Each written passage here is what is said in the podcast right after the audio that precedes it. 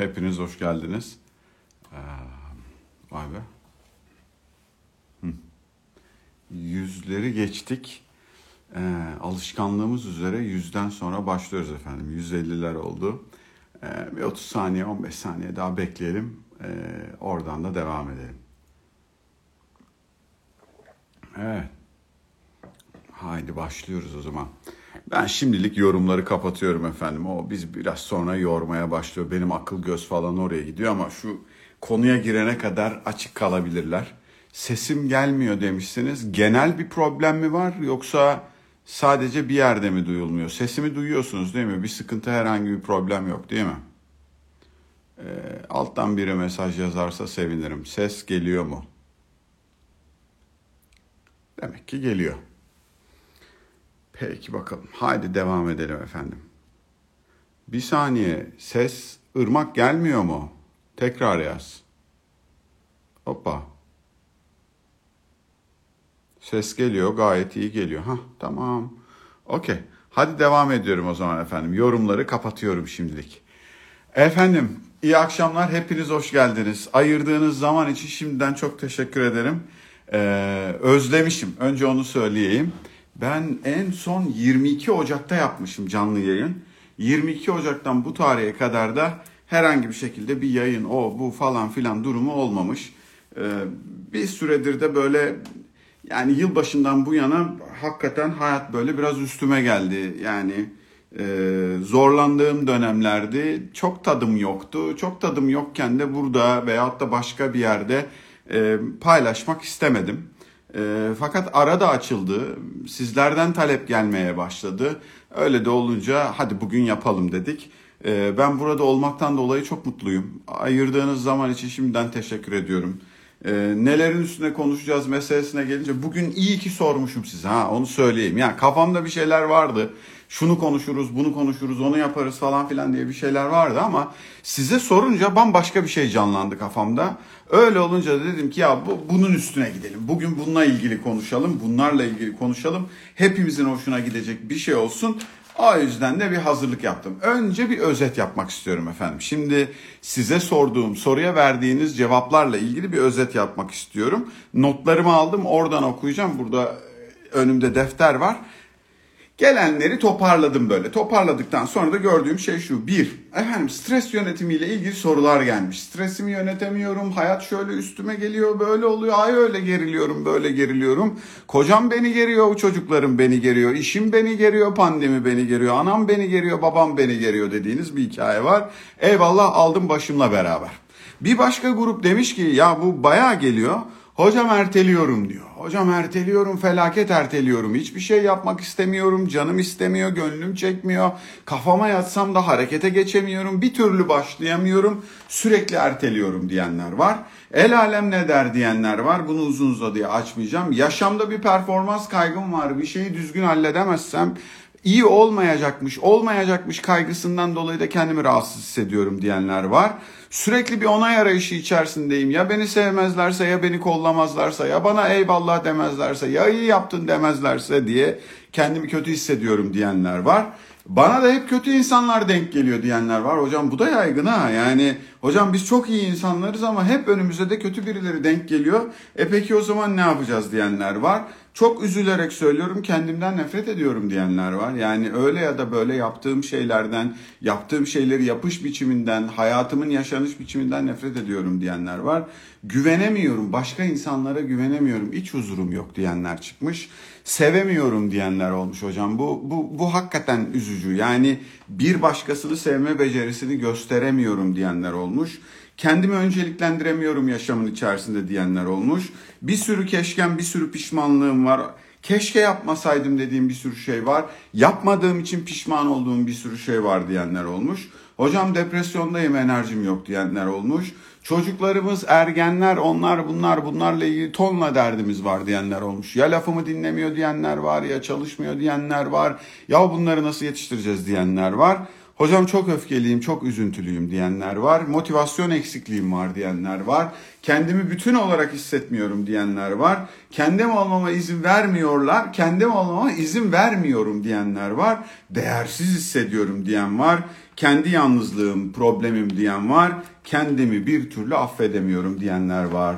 Vallahi bir şey söyleyeceğim. Ne çok derdimiz var ya. Hakikaten ne kadar çok derdimiz var. Yani tekrara girenler var, tekrara girmeyenler var ama sabahtan beri cevap yağıyor. Yani ben öğlen saatlerinde hadi bir soruyu sorayım bakalım ne oluyor dedim ve ondan sonra bunlar yağdı. Bir kere bir şey söyleyeyim. Bunların her birini teker teker ele almak mümkün değil. Başka bir şey daha söyleyeyim gerek de yok zaten gerek de yok. Yani aslında bütün sorduğunuz sorular, bütün üstüne konuştuğumuz meseleler iki tane temel hikayenin üstüne gidiyor. Bizim iki tane temel hikayemiz var. İki temel sorunumuz var. Bu iki temel sorundan bir tanesi, sorun da demeyelim.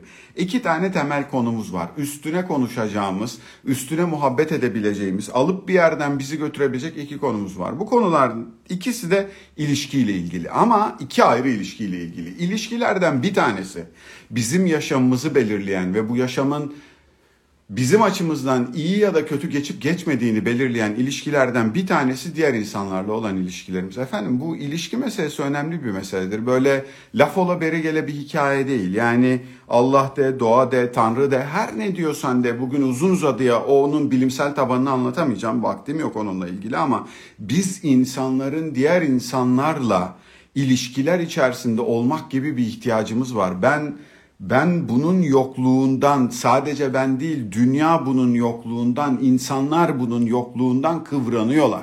Yani bugün mesela İstanbul için konuşuyorum. Ben sabahleyin oğlumun bir sınavı vardı. Adamı sınava götürdüm. Sınava götürünce hadi dedim şuralarda bir kahvaltı edeyim. 9.30'da bir yerlerde Boğaz kıyısında bir kahvaltı için oturduğumda masa için sıra beklenilir vaziyetteydi. Ben kahvaltıyı bitirip 10.30-11 gibi kalktığımda mekandan bütün İstanbul dışarıya vurmuş durumdaydı kendini. Neden öyle bir vaziyetteler diye sorarsanız efendim ya bizim birbirimize ihtiyacımız var. İnsanın insan görmeye, insanla zaman geçirmeye, insanla bir şeyler paylaşmaya, insanla muhabbet etmeye. Bakındım böyle sağa sola herkes gülümsüyor. Herkes gülümsüyor. Soğuk bir yerdeyiz, yeterince sıcak değil, servis aksıyor. Bir yandan hastalık riski var, o var, bu var falan ama herkesin suratında 32 diş. Neden öyle oluyor? Ya benim size, sizin bana, bizlerin birbirimize ihtiyacımız var ve yaşamın en önemli alanlarından bir tanesi de bu nedenden dolayı ilişki alanı. Bizim diğer insanlarla kurduğumuz ilişkiler, bizim diğer insanlarla ilişkilerimizi yaşayış biçimimiz, yaşam içerisindeki mutluluğumuzu çok belirleyen alanlardan bir tanesi.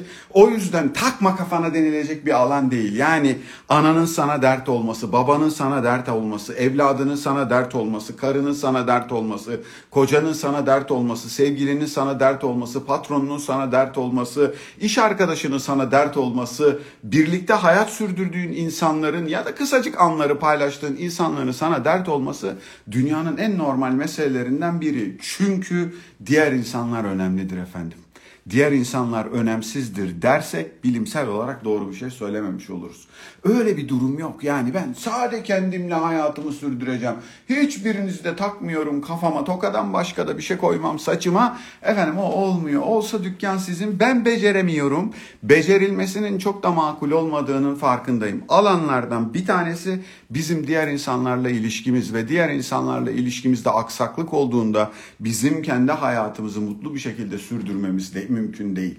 Mutlulukla ilgili yapılan araştırmaların içerisinde bir sürü maddeler var. Şunlar mutlu ediyor, bunlar mutlu ediyor falan filan ama bu maddelerin bir kısmı yani bir insan neden mutlu olur, bir insan nasıl mutlu olur, bir insanın mutluluğunu etkileyen faktörler nelerdir diye baktığımızda maddeleri eğer böyle toparlayacak olursak bunların bir kısmı bizim diğer insanlarla ilişkilerimizle ilgili. Yani dolayısıyla Polat'ın etrafındaki insanlarla ilişkisi, sizin etrafınızdaki insanlarla ilişkiniz önemlidir olmaması da mümkün değildir. Olmasını isteriz, sağlıklı olmasını isteriz, güzel olmasını isteriz, şık yürümesini isteriz, keyfiyle yürümesini isteriz. Ama başka bir şey daha isteriz. Sadece bu iyi gitsin istemeyiz. Bu hayatta bir şeyin daha iyi gitmesi lazım. Yani ikinci ilişkiye geliyoruz. Birinci ilişkimiz benim diğer insanlarla ilişkim. İkinci ilişkimiz ise tatam efendim o nedir? İkinci ilişkimiz efendim benim kendimle olan ilişkim. Bir insanın kendisiyle olan ilişkisi yaşamdaki bütün ilişkilerin, yaşamın her alanının, yaşamın her noktasının rengini belirler. Senin kendinle ilişkin sağlıklıysa, yani kendinle mutluysan, yani kendinden memnunsan, yani kendinle derdin öyle çok fazla değilse hocam yaşam keyifli bir şekilde sürer. Yani aradığımız en önemli konulardan bir tanesi budur. Bu Polat'ın, bu Polat denen arkadaşla arasının iyi olması lazım. E peki bu Polat'ın, bu Polat denen arkadaşla arasının iyi olması için neler lazım kısmıysa hocam orası çok büyük problemli alanlardan bir tanesi.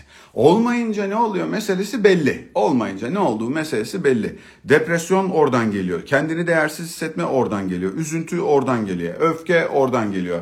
Başka insanlara kızgınlık oradan geliyor. Bu yazdıklarınız içerisinde sürekli onay arayışı oralardan bir yerden besleniyor. Başkalarına güvenememe oralardan geliyor. İç huzur yokluğu oralardan geliyor. Keşkeler, pişmanlıklar oralardan geliyor. Efendim motivasyon eksikliği, kişisel bütünlük yokluğu hepsi oralardan geliyor. Senin kendinle ilişkin çok önemli alanlardan bir tanesi. Bir de diğerleriyle olan ilişkin var. Şimdi başka bir yere geliyoruz. Bunların ikisi birbirinden bağımsız değil. Yani senin kendinle ilişkin belli bir noktaya gelmeden, sen kendinle ilişkini belli bir noktaya taşımadan diğer insanlarla ilişkinin iyi olup olmaması meselesi senin hayatının keyifli bir şekilde gitmesine yetmiyor. Diğer insanlarla ilişkinin iyi olması da senin kendinle ilişkinde problem varsa yetmiyor. Bu ne demek hocam? Bu ikisini de doyuracaksınız demek. Bu iki ilişkinin de içinde bulunduğunuz yaşamın içerisinde keyifli bir şekilde yürüyor olması icap eder demek. Bana ne ben takmam hiç kimse yok hayatımda ben kendi başıma yürütürüm diyenler varsa denemesi serbest sonuç yalnızlıktır efendim. Ondan sonra son maddede kendi iç yalnızlığımız o sinsi yalnızlık kalabalıkların içindeki yalnızlık diye yazarsınız efendim ben de yazarım. Bir insanın başka birileriyle bir şey paylaşabiliyor olması lazım. Ama sadece onun üstüne yatırım yaparsanız da bu sefer bu hayat benim hayatım değil, kendi hayatımı yaşayamıyorum. İçinde yaşayamadığım hayattan da çok mutsuzum noktasına doğru gelirsiniz. Ee, bu dengeyi yakalamak kolay mıdır? Yok değil hocam. Bu dengeyi yakalamak çok kolay değil. Çünkü bu dengenin dengesizliğinden kaynaklanan bir sürü eğitim sistemi ve biçimi bizim bütün hayatımızı etkiliyor. Şimdi ben biraz kendimden bahsedeyim o zaman. Ondan sonra da işi nasıl bağlarız, nereye götürürüz, neler yaparız falan filan kısmından bahsedeyim. Ben 1974 doğumluyum. Ee, bana göre iyi bir çocukluk geçirdim. Yani bana göre iyi bir ailenin içerisinde büyüdüm. Sevildiğimi biliyorum. Çok avantajlıyım o anlamda. İşte 11 yaşındaydım yatılı okumaya gittim. Evet onun bir takım dezavantajları var ama gene aldığım şeyler var. Fakat ben ve benim yaştaşlarımın hemen hemen hepsinin ve bizden daha büyüklerin tümünün yaşadığı bir şey var efendim. Yani beni dinleyenleri tabii ki hepsinin yaş grubunu bilmiyorum ama şöyle düşünün. 70'ten önce doğanlar için konuşuyorum bunu. Hatta belki 80'e kadar doğanlar için konuşuyorum. Bir jenerasyon adı altında da konuşmuyorum bunu. Bir nesil adı altında da konuşmuyorum ama bugün yaşı böyle 35 hadi 30 30 30'ların biraz üstünde olup daha yukarıya doğru gidenler için konuşuyorum. Bizim çocukluğumuzda bizim çocukluğumuzun döneminde yani biz çocukluk yaşarken ee, çocuk olmak çok da önemli bir şey değildi. Çocuklar yaşamın merkezinde değildi. Yetişkinler vardı. Yetişkinlerin kendine göre bir hayatı vardı ve o hayatla adaptasyon içerisinde olmaya çalışan, o hayatla uyumlanmaya çalışan çocuklar vardı. Yani ben kendi adıma söylüyorum. Ben hiç de öyle el üstünde tutulduğumu falan hatırlamıyorum. Severdi anam babam beni biliyorum. Dedelerim severdi, nenelerim severdi, teyzelerim severlerdi. Allah Allah hepsinden razı olsun. Severlerdi. Onu içten içe biliyorum. Ama bana göre hiç hayatın düzenlendiğini görmedim. Benim uykum geldi dediğimde yani ben uykum geldi dediğimi bile hatırlamıyorum. Uykum geldiyse gider yatarım ya da bir yerlerde sızar uyurum. Acıktım falan filan öyle bir şey dediğimi de hatırlamıyorum. Yemek saati bellidir.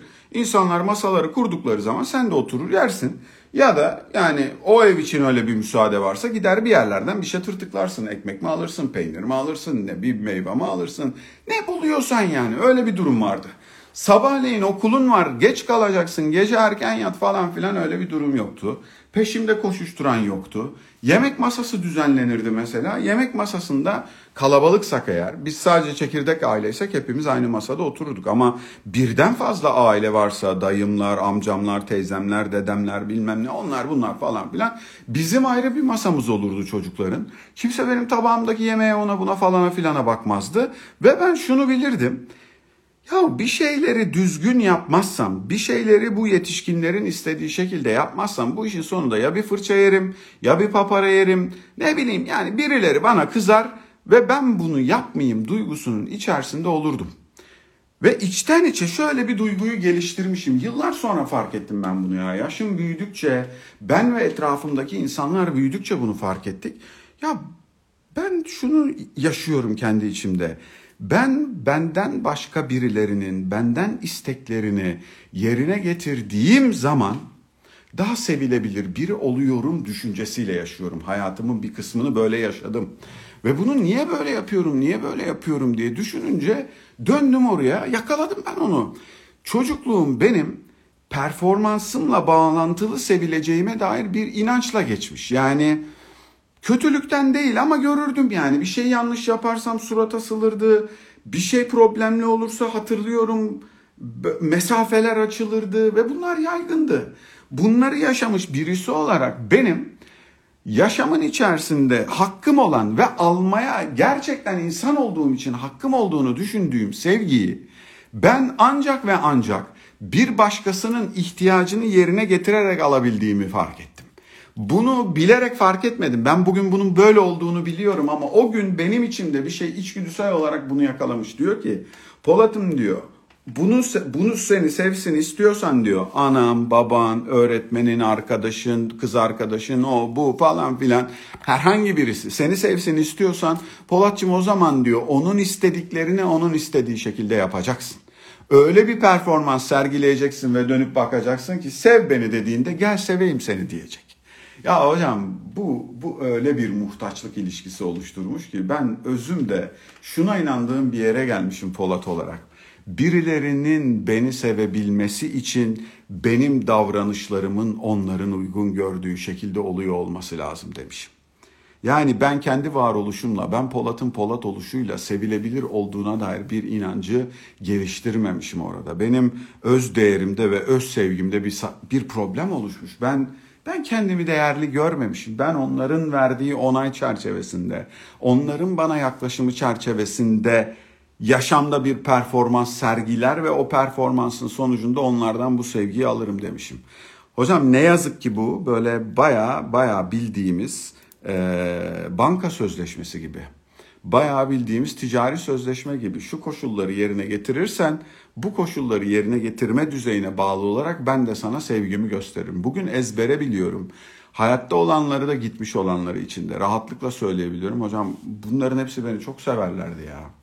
Severlerdi yani. Bunlar ölümüne beni seven insanlar aslında. Bugün böyle bir konuşmayı yaptığımı bilsem yüzüme dönüp bana ya biz seni çok sevdik, çok da severiz diyecek insanlar bunlar. Evet sevdiniz, çok seversiniz onu da biliyorum ama performans olmayınca ben o araya giren dağı gördüm efendim. Ben o, ben onu yaşadım.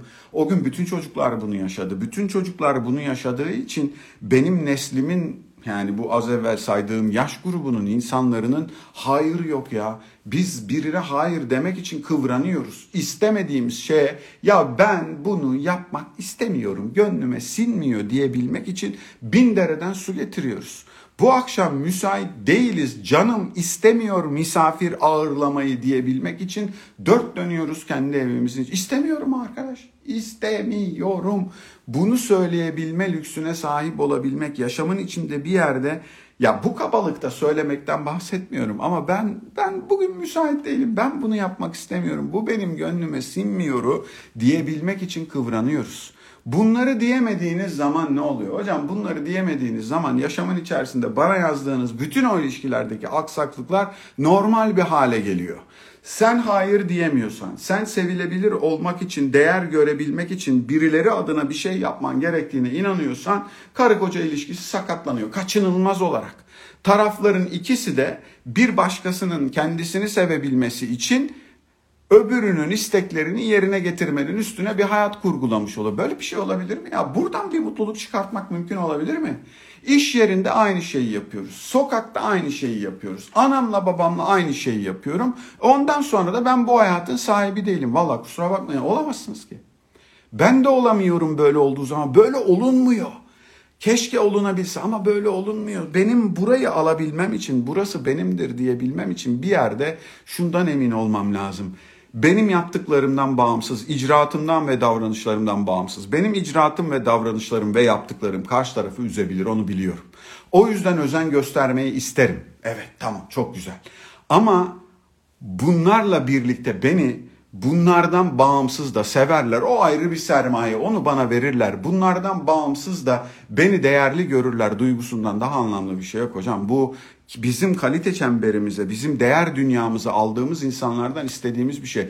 Ya benim senin bana vereceğin değer ve sevgiden vazgeçebilmemin bir tane koşulu var. Benim seni değersiz ve sevilmeyen birisi olarak görebilmem. Bunu görmeyi beceririm eninde sonunda onu söyleyeyim. Sen beni sevmeyince, sen bana bunları böyle hakkımmış gibi vermeyince, ancak performansın karşılığında verince ben bir yerden sonra seni sevmeyeceğim yere gelirim hocam. Birçok ilişkinin içerisinde gördüğüm en temel problemlerden bir tanesi bu. Biz kıvranıyoruz hocam kendi kişiliğinden, kendi varoluşundan, kendi gönlünden, kendi aklından geçenden bu kadar yabancılaşan bir insanın hayatta mutlu olma ihtimali var mı hocam? En basiti için söylüyorum ya biz çocuklarımızla ilişkimizin içerisinde bile bunu yapıyoruz. Analar babalar bunu yapıyorlar ya. Kendi çocukları onları daha çok sevsin diye içinde bulundukları yaşamda evi yönetmiyorlar. Hocam net söyleyeyim bana sorduğunuz ergen ve çocuk soruları için. Siz ana babalık yapmaya niyet eder ve bunun sorumluluğunu alırsanız, ana babalık yapmaya niyet etmek ve sorumluluğu almak demek bazen sevimsiz şeyleri çocuğumuza söyleme ve yanlış gidenin altını çizme ve sınır koyma ve yeri geldiğinde kusura bakma biz buradan yürüyemiyoruz, bunu kabul edemeyiz diyebilme gerekliliğini beraberinde getirir. Sen eğer sınır koymayacağım, onu yapmayacağım, bunu yapmayacağım ki çocuğum beni sevsin noktasındaysan hocam orada ders konusu aksar, orada telefon konusu aksar, orada arkadaş konusu aksar, orada eğitim konusu aksar. Yapacak bir şey yok. Kusura bakmayın. Sorumluluk almadığınız yerde siz bir dakika ya bu ilişkide benim de bir yerim var. Sen tek başına değilsin demediğiniz bir yerde hocam o ilişki aksar. Ana baba çocuk ilişkisinde de olur mu? Olur hem de bal gibi olur. Hem de bal gibi olur. En sağlam oralarda olur. Karı koca ilişkisinde olur mu? Hem de nasıl olur. Sevgili ilişkisinde olur mu? Hem de nasıl olur hocam. Hem de nasıl olur. Siz içinde bulunduğunuz kadın erkek ilişkisinin içerisinde adı her ne olursa olsun bir erkek olarak ya da bir kadın olarak bir dakika ya ben seni çok seviyorum gönlümde de yerin var seni de oraya koymak istiyorum ama bu arada bu ilişkinin içerisinde ben de varım arkadaş bana da yer açılmamış ilişkiden ne sana ne bana yar olmaz diyemiyorsanız eğer o ilişkinin yürümesi mümkün değil. Ha, yürüyormuş gibi olabilir. Bir şeyin devam ediyor olması onun yürüdüğü anlamına gelmez efendim. Yürüyen ama devam eden bir sürü ilişki var yaşamda. Bir sürü insanın böyle ilişkisi var. Oturup bir bakmak lazım. Hakikaten benim elimdeki malzeme yürüyor mu?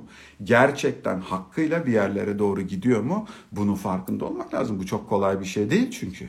Sen sevilebilir olmaya duyduğun ihtiyaçtan dolayı kendi kişiliğinden vazgeçmeye başlıyorsan hocam bir kere bu ilişki zaten sakatlanıyor. Taraflardan bir tanesi ruhunu az evvel bana satmış oluyor.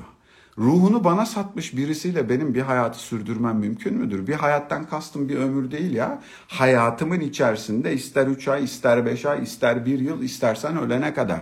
Bu süreyi ruhunu satmış biriyle devam ettirmem mümkün mü hocam? Hocam coşku gitmiş, heyecan gitmiş, gözleri parlamıyor, senin gözlerin parlamıyor. Birbirinizle oturup sohbet etmek istemiyorsunuz, bir şey yapmak istemiyorsunuz. Ondan sonra da bizim ilişkimiz var. Yok hocam bir ilişkinin olabilmesi için önce iki tane iki tane hakkıyla kişinin orada olması lazım. İki kişinin hakkıyla orada olması lazım. Yani hem benim hem senin oralarda oluyor olman lazım. Taraflardan bir tanesi diğeri için kendini harcamaya başlamışsa biri gidiyor. Bir artı bir olmadı mı da iki olmuyor hocam. Bu, bu, bu sistem böyle çalışmıyor. Benim öncelikle orada hangi ilişkiden bahsedersem, evet diğer insanlarla ilişkiler önemlidir. İki tanesinden biridir. Kesinlikle. O yüzden lazımlardır. Özen gerekir falan filan. Bunların hepsi tamam. Ama ruh satmak gerekmez efendim. Ruh satmak, kendimizi yok saymak neden oluyor? İşte Allah kahretmesin ya. Aç olduğumuzdan oluyor. Aç. Aç olduğum için. E verin lütfen ya. Bir zahmet verin bana ya. Yani o benim aç olduğum sevgiyi, o benim aç olduğum değeri benim sadece ben oluşumdan dolayı verilen bir yerde olabilmek istiyorum. Aynı nedenlerden dolayı güven problemi yaşıyoruz. Aynı nedenlerden dolayı sevememe problemi yaşıyoruz. Bu kağıdın üstüne yazdığım her ne varsa iki kişiyi bağlayan, sizin sorun olarak tanımladığınız hepsinin özünde bu var. Bir insanın başka insanlarla ilişkisini sağlıklı bir hale getirmesi mümkündür efendim. Kolay mıdır? Bugün karar verdiniz, uğraşacaksınız, yapacaksınız. Ben net söyleyeyim. Ben belli bir yaşımda anladım. Yani belli bir yaşımda neden anladım onu da söyleyeyim. Ya ben bu alanda çalışıyorum, işte onu yapıyorum, bunu yapıyorum falan filan ama benim bile anlamam zaman aldı. Yani benim bile anlamam zaman aldı. Bunu anlayabilmek çok kolay değil. Bir insanın kendisine Polat'ım ya sen bu ihtiyacından dolayı bu davranışı sergiliyorsun. Aslında yaşadığın yoksunluktan dolayı, alamadığın şeyden dolayı sen kendinden vazgeçiyorsun. Yapma bunu demek çok kolay değil. Önce yetersiz ve yapamayan olduğunu ve bu hatanın senden kaynaklandığını kabul etmen lazım hocam. Ben bunun yerine başka bin tane yöntem biliyorum yaptığımız. O kadın iyi değil, o erkek iyi değil, o çocuk iyi değil, öbürü iyi değil, öbürü bilmem ne değil. Hayır hayır öyle değil, öyle değil. Hep mi birileri suçlu ya? Hep mi bana kötüleri denk geliyor diyor. Hayır sana hep kötüleri denk gelmiyor. Ne varsa sahada o denk geliyor. Yani oran neyse, kötü oranı neyse genel için konuşuyorum. Sana da onun içerisindeki oran kadar denk geliyor. Ama sen öyle bir ilişki kurguluyorsun ki bu ilişkinin içerisinde beni beni çok acayip bir yere yerleştirdiğin için ister istemez benim sana senin ihtiyacını vermediğim yerde senin kendini rahat hissedebilmen için, akıl sağlığını, gönül sağlığını koruyabilmek için benim kötü olduğuma dair bir inanç geliştirmen lazım. Diyeceksin ki bende hiçbir hata yok. Hep de bu saçma sapan olanlar, hep de bu kötü olanlar, hep de bu güvenilmez olanlar bana denk geliyor. Yemezler kusura bakmayın. Hayat öyle değil ya. Öyle değil yani. Öyle değil güvenilmez, kötü bilmem ne olanlar dediklerim var ya, onlar 500 metreden belli. Onlar 500 metreden belli onlara yanaşmıyorsun. Ama diğerlerini öyle bir yere koyuyoruz ki biz kendi yaşantımızın içerisinde öyle bir anlam yüklüyoruz ki onlara sonrasında bir problem çıktığında gönül rahatlığıyla benlik bir durum yok. Ben sütten çıkmış ak kaşık diyebileceğimiz bir yerde oluyoruz.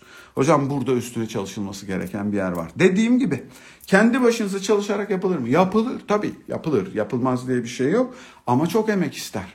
Bazen de insan bu öyle bir şey ki içinde bana ait kir ve pas olan, bana ait kötü kokulu malzeme bulunan bir kap var tamam mı? Bunun kapağını açıp açmamaya karar vermekle ilgili bir şey bu. Ama sızıyor dışarıya kokusu.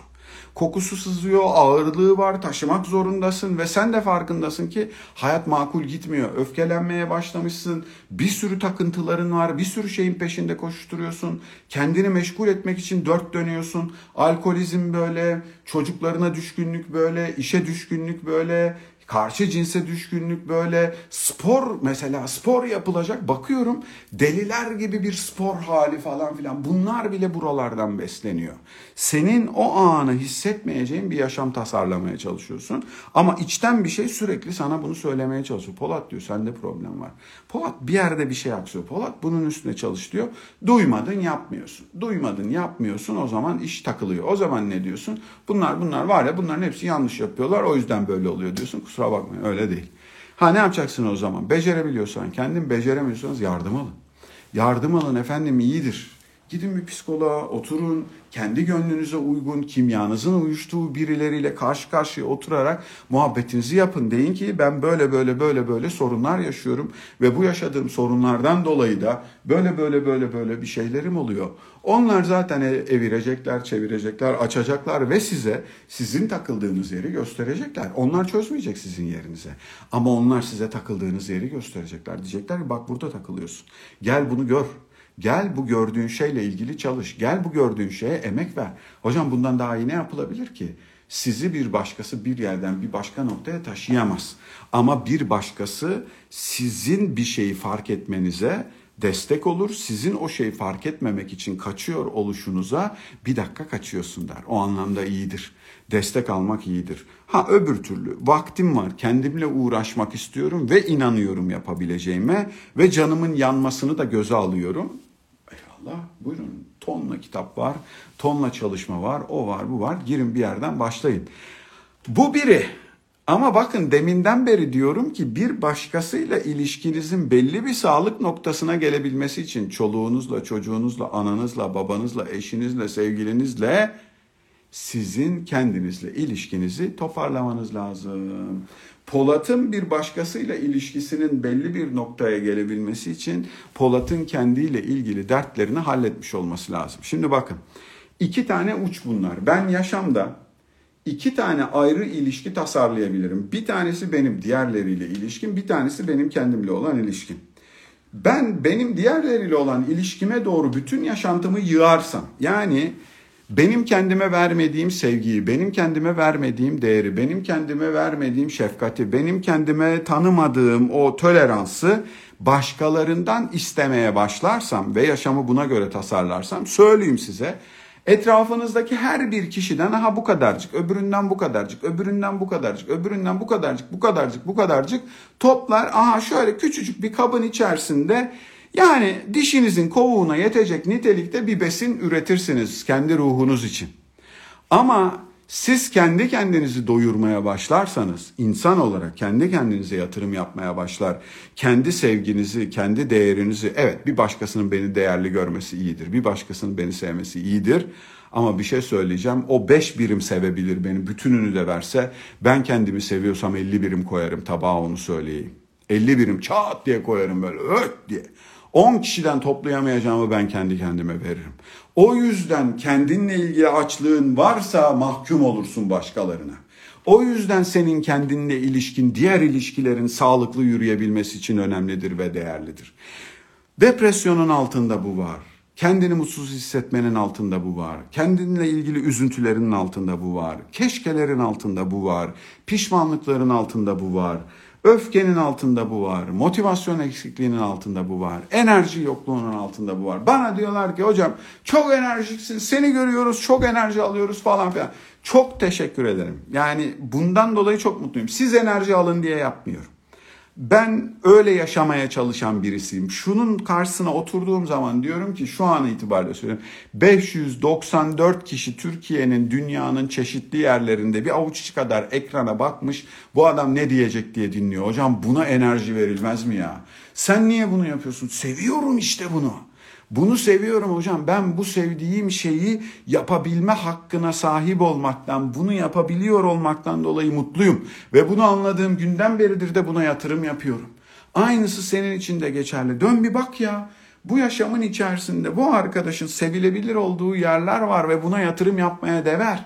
Değer yani bu yatırım yaptığın zaman o enerji geliyor. Bana özel bir şey değil. Ben en kötü günümde bile bir enerjiyle kalkıyorum. Bugünün hakkını verebilmek için kalkıyorum. Gerçekten hayat bana da çok iyi davranmıyor. Dünya kadar derdim var. Zorluklar oluyor, o oluyor, bu oluyor. Ya şimdi bunu anlatırken bile gözüm yaşarıyor ya. Yani her an her saniye bir şey var ortalıkta. Sanıyor musunuz ki öyle derdüstü, muradüstü, her şey yerli yerinde, her şey düzgün gidiyor. Hiç kimsenin hayatında gitmiyor efendim. Hiç kimsenin hayatında öyle bir şey yok. Hepimize oluyor. Sen senin başına gelenlerle ne yapıyorsun meselesi senin kendinle ilişkili bir hikaye. Senin başına gelenlerle ne yapıyorsun? Ben öfkelenmeyi bilmiyor muyum? Misler gibi biliyorum. O kadar da hoşuma gidiyor ki. O kadar da güzel geliyor ki. Yaparken öyle. Ama yarım saat sonra diyorum ki oğlum diyorum niye bu kadar öfkelendin ya? Ne gerek vardı ya? Bu öfkelendiğin şey öfkelenme değer bir şey miydi diyorum. Ve bakıyorum böyle bir anlamı yok. Üç gün sonra aklına gelmeyecek, üç gün sonra sana saçma gelecek bir şey için bugün niye öfkeleniyorsun ya? Ve bir şey söyleyeceğim. Üç gün sonra hala onu öfkelenebilmek için de üç gün boyunca başkalarıyla muhabbetini yapıyorsun. Bana da böyle yaptılar. Şişiriyorsun kendini. Üç gün boyunca onu ayakta tutabilmek. Çünkü anlamsızlaşıyor. Anlamsızlaşmasın diye onu yapmaya çalışıyorsun. Yaşam bütünüyle senin kendinle olan ilişkinin üstünden yürüyor. Sen bir karar vereceksin. Ama şunu da söyleyeyim. Bu tarafa yatırırsan yani başkaları beni sevsin, başkalarıyla ilişkim öncelikli olsuna yatırırsan senin hayat palavra olur hocam. Bir, bir şey çıkmaz oradan. Onu memnun et, bunu memnun et, öbürü verir bilmem ne falan filan diye gider. Bir hayır demek için 50 bin tane dereden su getirsin diyemezsin de. Bir sebep bulman gerekir. Paşa gönlüm istemiyor, keyfimin kahyası uygun görmüyor diyemezsin ömrünün herhangi bir yerinde. Bunu diyebilmek çok büyük lüks onu da söyleyeyim size. Bir yerlerde benim canım istemiyor yapmayacağım işte bunu diyebilmek çok büyük lüks. Diyebilirsen harika. Dediğin bir ilişki grubunun içerisinde sen harika ama diyemiyor ve sürekli öbür tarafa doğru yatırıyorsan hayatı hocam yani geçmiş olsun. Peki bu tarafa götürürsen Sadece bana doğru götürsen. İşte orası bencillik hocam. İşte orası bencillik. Bir tek ben varım. Yok babam öyle değil. Bir tek sen yoksun. Sen bu dünya üzerinde yaşayan canlı organizmaların sadece bir tanesisin. Bilmem kaç milyar insanın da sadece birisisin. Hocam ya evrende toz kadar yerimiz yok ya. Yani bu kadar sağlam bir ben varım denilir mi ya? Evet sen varsın ama sadece sen yoksun. Hem sen varsın hem ben varım. İkimizin var olduğu yaşamı nasıl tasarlarız meselesi. Ve bir başkasının varlığını kabul etmeden sadece kendi hayatını sürdürmeye çalışan insanların da mutlu, huzurlu, anlamlı bir hayat sürdüremediğini biliyoruz. Yani o da bizi bir zaman sonra çok sakat bir yere doğru götürmeye başlıyor. Ya orada da bir başka savunma mekanizması giriyor içeri. Buna da bayılıyorum. Ben çok iyi birisiyim, çok acayip birisiyim de Bunlar da böyle bir türlü gelişmemişler, olmamışlar. Ondan bunlarla ilişkilenemiyorum. Yapma ya. Vallahi yapma ya. ya hakikaten on numaraymış ya. On numaraymış. Hocam e, benim yalnızlığımın nedeni diğerlerinin benim kadar gelişmemiş olması, benim kadar iyi olmamaları, benim kadar dürüst olmamaları, benim kadar bilmem ne olmamaları. Vay be bu da iyiymiş. Bu da iyiymiş yani. Kusura bakmayın buradan da yürümez. Burada bir kere bir böyle çok sağlam bir kibir hali var. İkincisi de bana kimse bunu anlatamaz hocam. Bana bunu kimse anlatamaz. Yani evet tamam belki bazı konularla ilgili sen biraz daha fazla okumuş, biraz daha fazla yazmış, ne bileyim biraz daha böyle deneyim sahibi olmuş ya da içinde büyüdüğün aileden, geldiğin ortamlar dolayı azıcık daha avantajlı olmuş olabilirsin. Bu avantaj seni daha iyi ya da daha kötü yapmaz. Bu avantaj seni sadece biraz daha belki ne bileyim o konuyla ilgili bilgili yapar. Ne bileyim azıcık birazcık ufacık tefecik bir farklı yapar ama öbürü de bir başka alanla ilgili farklıdır. Hocam bir tek ben varımla da bu iş yürümüyor. Yani sadece ben varım ve sadece benim isteklerim, sadece benim gönlümden gelenler kısmıyla da bu iş yürümüyor hem benim hem senin var olduğum bir ortam tasarlamak durumundayız. Yaşamı bir yandan öbürlerini önemseyerek, öbür taraftan da kendimi önemseyerek makul bir şekilde götürmem lazım. Benim burada 100 birim malzemeye ihtiyacım varsa yani 100 parça sevgi toplamam lazımsa 50'sini kendi cebimden kendime verip kalan 50 taneyi de 10 kişiden parça parça toplamam lazım. Yüzünü ben kendime vermeye kalktığımda kusura bakmayın bu 10 kişiyi hayattan saptıp savuşturmuş oluyoruz. Benim ve benimle birlikte büyüyenlerin en büyük problemi de bu oldu. Biz kendi çocuklarımızı yaşamın kralı, yaşamın sahibi, yaşamın merkezi gibi yetiştirmeye başladık. Ve bunları böyle yetiştirdiğimiz için de kendi bulunduğumuz evin içerisinde hayat yürütemez hale geldik. Ben uyku işini düzenleyemiyorum diyor. Benim okuduğum bütün kitaplar diyor ki bu konuyla ilgili ana baba kararlılık gösterirlerse uyku düzenini oluştururlar diyor. Ama diyor ana baba bu konuyla ilgili otorite olmayı seçmezse ki bir çocuğun sınırları koyabilecek birine ihtiyacı var. O zaman diyor çocuk yönetmeye başlar ortamı. Çocuk yönetmeye başlarsa da sen ne diyeceksin? Yat diyoruz yatmıyor hocam diyor. E kusura bakmayın bu evin sahibi kim diye sorarlar o zaman. Doğası gereği senin burada bir yerinin olma. Ha Akşamları yatış saatini belirlemek, tabağına kaç tane yemek konacağını belirlemekle aynı şey değildir. Ne giyileceğini belirlemekle ilgili aynı şey değildir. Sizin yönetmemeniz gereken şeylere giriştiğiniz, yönetmeniz gereken şeylerle ilgili sorumluluk almadığınız yerde o ilişki bozulur. Aynısı karı koca ilişkisi için de geçerlidir. Aynısı sevgili ilişkisi için de geçerlidir. Aynısı benim kendi ebeveynlerle olan ilişkim için de geçerlidir. Aynısı iş yerindeki ilişkilerim için de geçerlidir. Arkadaş sorumluluk alman gereken yerde sorumluluk almayıp almaman gereken yerde sorumluluk alıyorsan sana daha kolay daha yönetilebilir geldiği için kusura bakma etki alanının çok dışında bir tavrın içindesin demektir ve burada bir şeyi yönetmek, yürütmek öyle olduğu zaman mümkün değildir. Bizim burada aradığımız şey senin bu iki ilişkinin dengesini kurabileceğin vaziyette hem kendini hem karşındakini varladığın bir yaşamı tasarlayabilmek. Evet ben değerliyim. Bunun abartılmış hali sadece ben değerliyim yemezler. E birileri bana değer verirse ben değerliyim. E, o da o da bir süre sonra dilenciliğe gidiyor ya. Öyle de bir hayatın tadı yok. Beni severlerse, beni değerli görürlerse, bana bilmem ne yaparlarsa ben de öyle yürürüm diye. Hocam bu bir macera, bu bir yürüyüş, bu bir yolda olma hali, bu bir yolu devam ettirme hali ve bu yolun ilk kararı ben bu ikisini dengeleyecek miyimden çıkar. İlişki kelime kökeni itibariyle ilgilenmekten geliyor, ilgilenme kökünden geliyor. Yani karşılıklı ilgilenme hali. Kendimle olan ilişkimde de ben kendimle ilgileniyorum. Başkasıyla olan ilişkimde de bir başkasıyla ilgileniyorum. Şimdi karar vereceğimiz yer şurası. Sen kendinle ve bir başkasıyla ilgilenme durumunu yönetme niyetinde misin değil misin ona karar vereceksin. Saldım bayram evlam kayra bu hayat böyle gelmiş böyle gider diyorsan güzel. Yani benim diyeceğim bir şey yok. Zaten muhtemelen sen de e, benim söylediklerim şeylerden pek de hoşlanmayacaksın. Çünkü ben diyorum ki elinde her ne varsa, elinde her ne varsa bir, rahatsız ediyorsa seni değiştir. İki, rahatsız ediyor ama değiştiremiyorsan o zaman bunu kabullenebilecek gücü göster.